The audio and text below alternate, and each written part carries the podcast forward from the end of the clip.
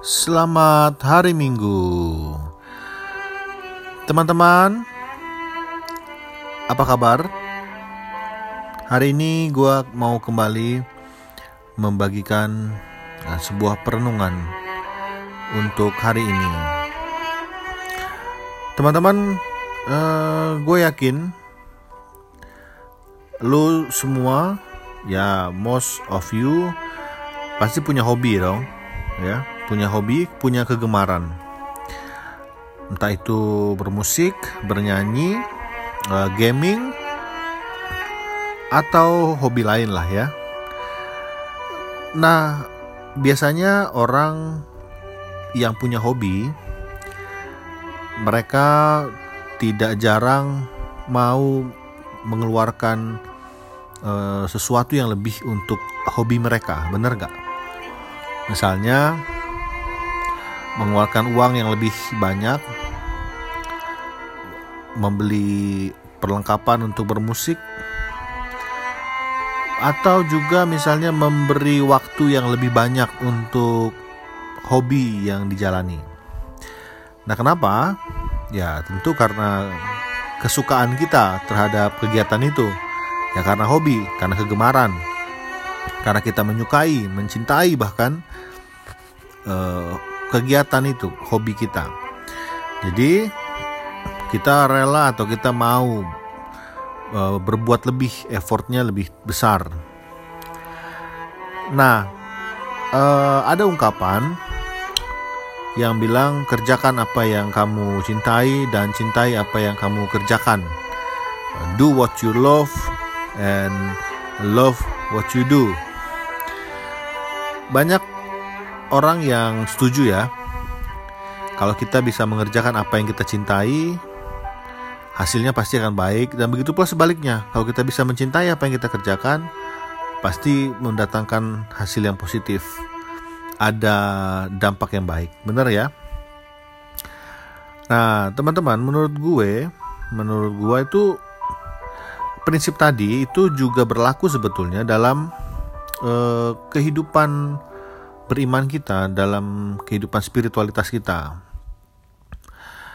Dalam hal ini, misalnya dalam uh, sikap saling mengasihi, banyak orang yang uh, merasa sulit untuk mengasihi orang lain.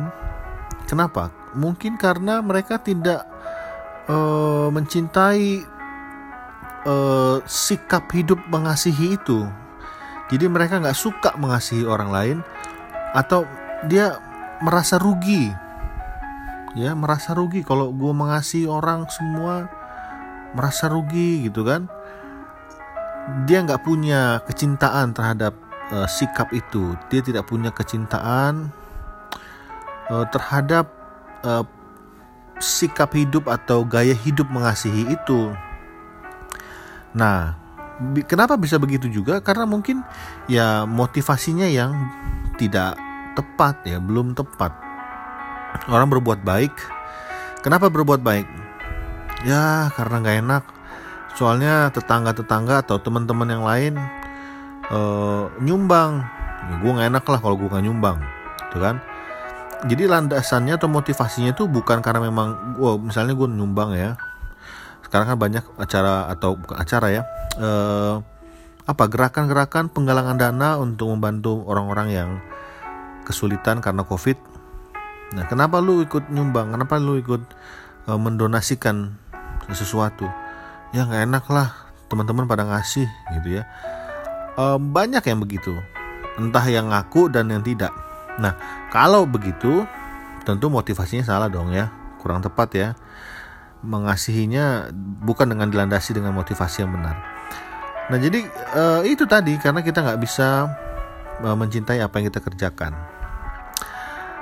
Dan uh, ya kita tahu mengasihi itu sulit ya, nggak segampang yang kita ucapkan.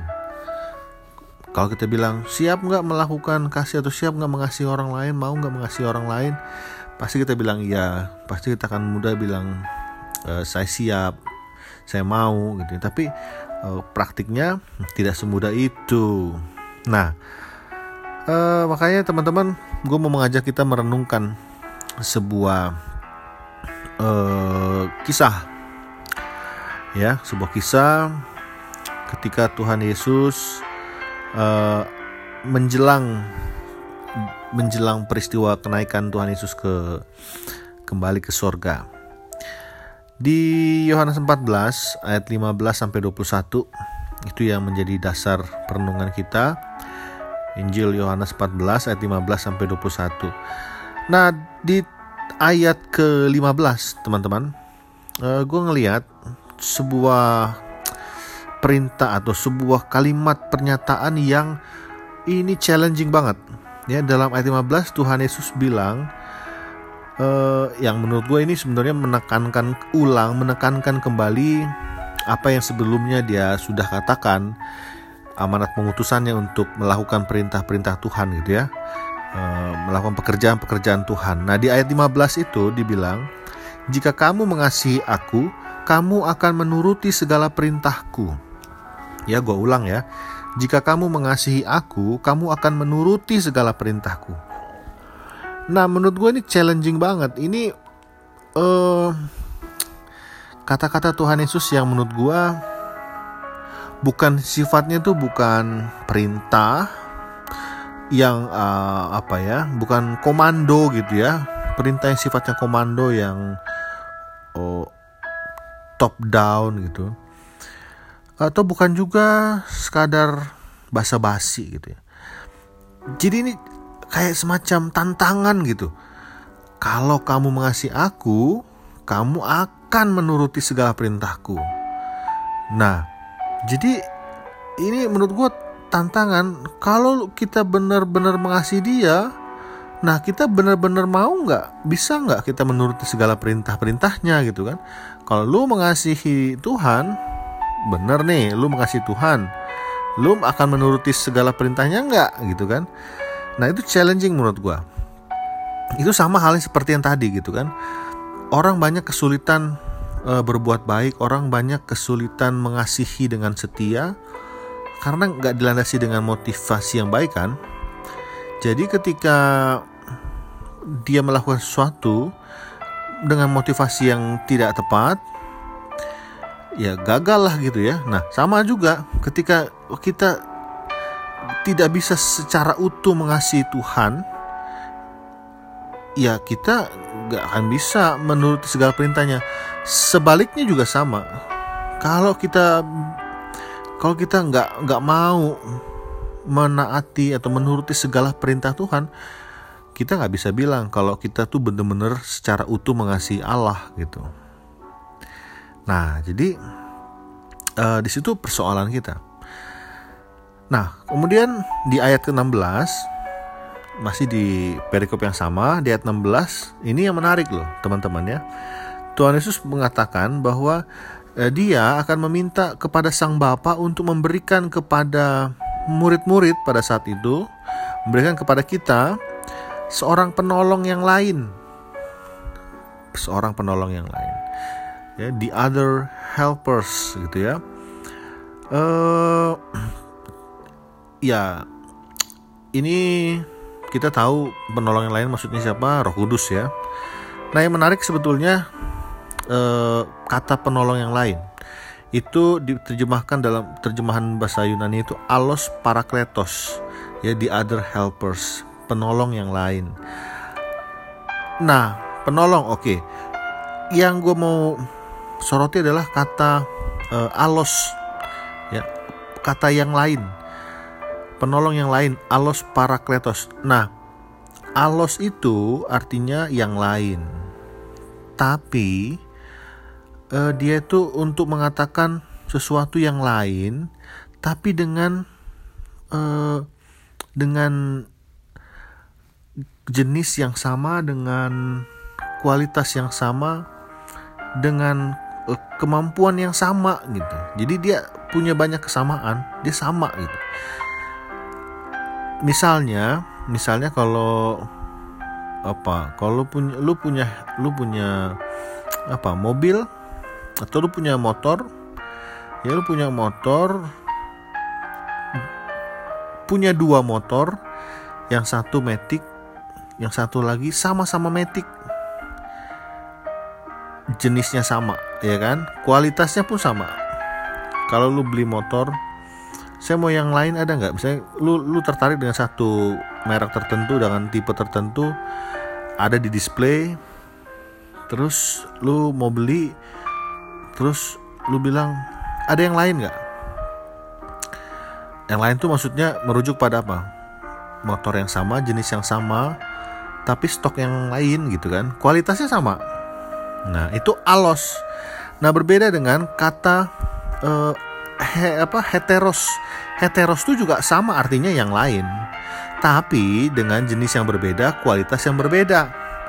Nah, sama misalnya ketika lu cari motor, lu suka dengan eh uh, lu lu lu lagi ngelihat sebuah motor metik ya uh, lu suka sih cuman lu pengen yang lain terus uh, ada yang lain nggak motornya nah lu ini ini bicara soal jenis yang lain ada nggak yang yang lain? Yang matic deh gitu ya. Ataupun yang matic tapi yang cc-nya lebih besar deh.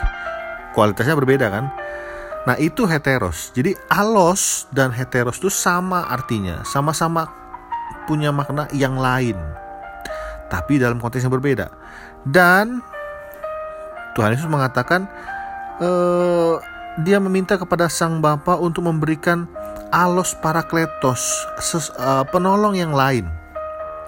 Alos berarti penolong yang lain itu yang sama kualitasnya, yang sama uh, apa satu apa satu kualitas dengan Yesus. Artinya apa? Artinya uh, dalam konteks bahwa Tuhan Yesus dalam waktu dekat akan pergi meninggalkan para murid dan murid-murid mulai khawatir, mulai gelisah, mulai kehilangan uh, motivasi, mulai kehilangan pegangan.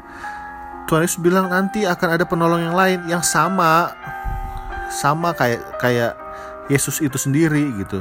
Kualitasnya sama. Dan sebetulnya dia juga mau mengatakan ya sama Bapa akan mengirim uh, yang sama ketika Yesus mengatakan aku di dalam kamu kamu uh, aku di dalam Bapa dan Bapa di dalam aku artinya kan equal ya sang Bapa itu sama dengan uh, Yesus lalu kemudian uh, di saat yang sama ketika dia mengatakan penolong yang lain berarti sama juga dengan penolong yang lain. Sama dengan Roh Kudus. Artinya sang Bapa sang anak Roh Kudus itu adalah satu kesatuan yang sama gitu ya. Satu hakikat tiga pribadi. Di situ kita bisa lihat uh, konsep atau Tuhan uh, Yesus memperlihatkan kesatuan Allah yang Maha Kudus itu. Allah Tritunggal yang Maha Kudus itu oke baik lagi Tuhan Yesus mengatakan dia akan meminta sang, kepada sang Bapa mengirimkan, memberikan penolong yang lain. Teman-teman, uh, dalam kehidupan kita sehari-hari sekarang ini, cara Tuhan menolong itu bisa dengan berbagai macam cara ya. Kita nggak bisa membatasi cara Tuhan untuk menolong kita. Kalau kita mengharapkan pertolongan dari Tuhan melalui seseorang ya kadang-kadang bukan orang yang kita harapkan justru yang menolong. Ya enggak tapi orang lain yang kadang-kadang yang kita nggak nggak kita duga. Nah tapi perso uh, tapi yang paling penting persoalannya adalah kesadaran kita bahwa akan ada penolong yang lain akan ada uh, penolong yang lain yang sama baiknya yang sama kualitasnya dengan yang sebetulnya kita harapkan. Ya, cuman ya tadi kita sering terfokus dengan satu uh, satu oknum. Misalnya uh, kamu berharap ditolong oleh sahabatmu, tapi ternyata sahabatnya nggak bisa nolong gitu. Kita hanya berpaku, enggak, gue pengennya diri yang nolong, gue pengennya dia yang nolong. Kadang-kadang nggak bisa gitu kadang-kadang ada penolong yang lain yang Tuhan sediakan yang sebetulnya sama juga baiknya sama juga kualitas pertolongannya. Cuman kita yang gagal menerima dan gagal memahami nggak mau membuka diri terhadap penolong yang lain the other helper. Nah, jadi teman-teman uh, biasanya ya karena karena uh, kecenderungan seperti itu biasanya kita juga ber, bisa berlaku sebaliknya. Kita juga jadi enggan, kita jadi males, tidak bersemangat. Kita nggak mau untuk menjadi the other helper tadi, jadi penolong yang lain. Padahal jangan-jangan kita ini sebenarnya adalah the other helper untuk orang lain. Jangan-jangan kita ini adalah penolong yang lain yang Tuhan sediakan untuk seseorang yang membutuhkan pertolongan kita, pertolongan Tuhan melalui kita. Nah, jadi di sini kita bisa lihat bahwa tadi ya Allah eh, Bapa Yesus Kristus Sang Anak dan Roh Kudus itu mereka menunjukkan kesetaraannya, equality sama dalam hal mengasihi manusia. Ketika dia mengirimkan yang lain itu Roh Kudus itu sama kualitasnya sama ilahinya.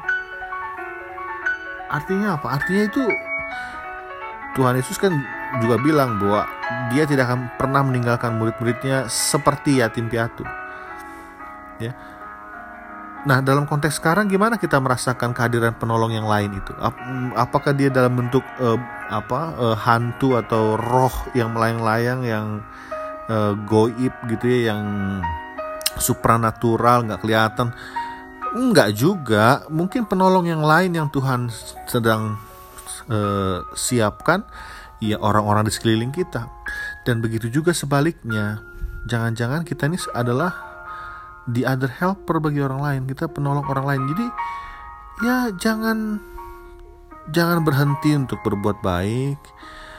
Kalau kita punya motivasi yang baik kita pasti bisa mengasihi orang kita kita bisa um, mendapatkan hasil yang positif kita akan mendapatkan uh, sesuatu yang baik gitu. Sama seperti kita ketika uh, mengerjakan hobi-hobi kita kalau kita mengenali dengan baik hobi itu dan kita mencintainya, kita menggemarinya, maka tidak jarang kita mau berkorban materi, berkorban uang, berkorban tenaga untuk bisa melakoni, mengerjakan, menggeluti olahraga itu. Syukur-syukur kalau itu kemudian bisa jadi menambah penghasilan gitu ya kalau zaman sekarang kan begitu. Nah sama halnya juga dengan mengasihi. Kalau kita tidak bisa me kalau kita tidak bisa menghayati bahwa kenapa kita harus mengasihi karena Yesus sudah lebih dulu mengasihi kita. Dan jangan-jangan kita ini adalah juga uh, the other helpers yang Tuhan Yesus siapkan untuk orang lain. So tetaplah teman-teman setia untuk mengasihi apa pun kondisinya uh, karena segala sesuatu yang kita lakukan tidak ada, uh, tidaklah sia-sia gitu tidak akan sia-sia Selama kita mengerjakannya untuk kemuliaan Tuhan, selama kita mengerjakannya untuk kebaikan banyak orang, tetaplah mengasihi dan jangan bosan. Ya, milikilah motivasi yang baik supaya Tuhan juga menyertai dan memberkati setiap langkah-langkah kita. Oke teman-teman, terima kasih sudah mendengarkan refleksi renungan minggu ini. Silakan dibagikan, di-share ke teman-teman yang lain yang bisa juga kemudian uh, mendapatkan renungan, mendapatkan uh, refleksi ini. Dan jika ini memang memberkati teman-teman, ya, tidak ada salahnya untuk di-share dan dibagikan. Dan terima kasih sudah men, uh, mendengar, ikut berenung, ikut merefleksi hari ini. Dan semoga refleksinya tidak berhenti di sini, tapi juga bisa terus kita refleksikan dalam hidup sehari-hari. Terima kasih teman-teman. Enjoy your time with God. Uh, jangan lupa jaga keintiman dengan Tuhan. Tetap berdoa. Stay healthy. Uh, keep at home. Dan semangat. God bless.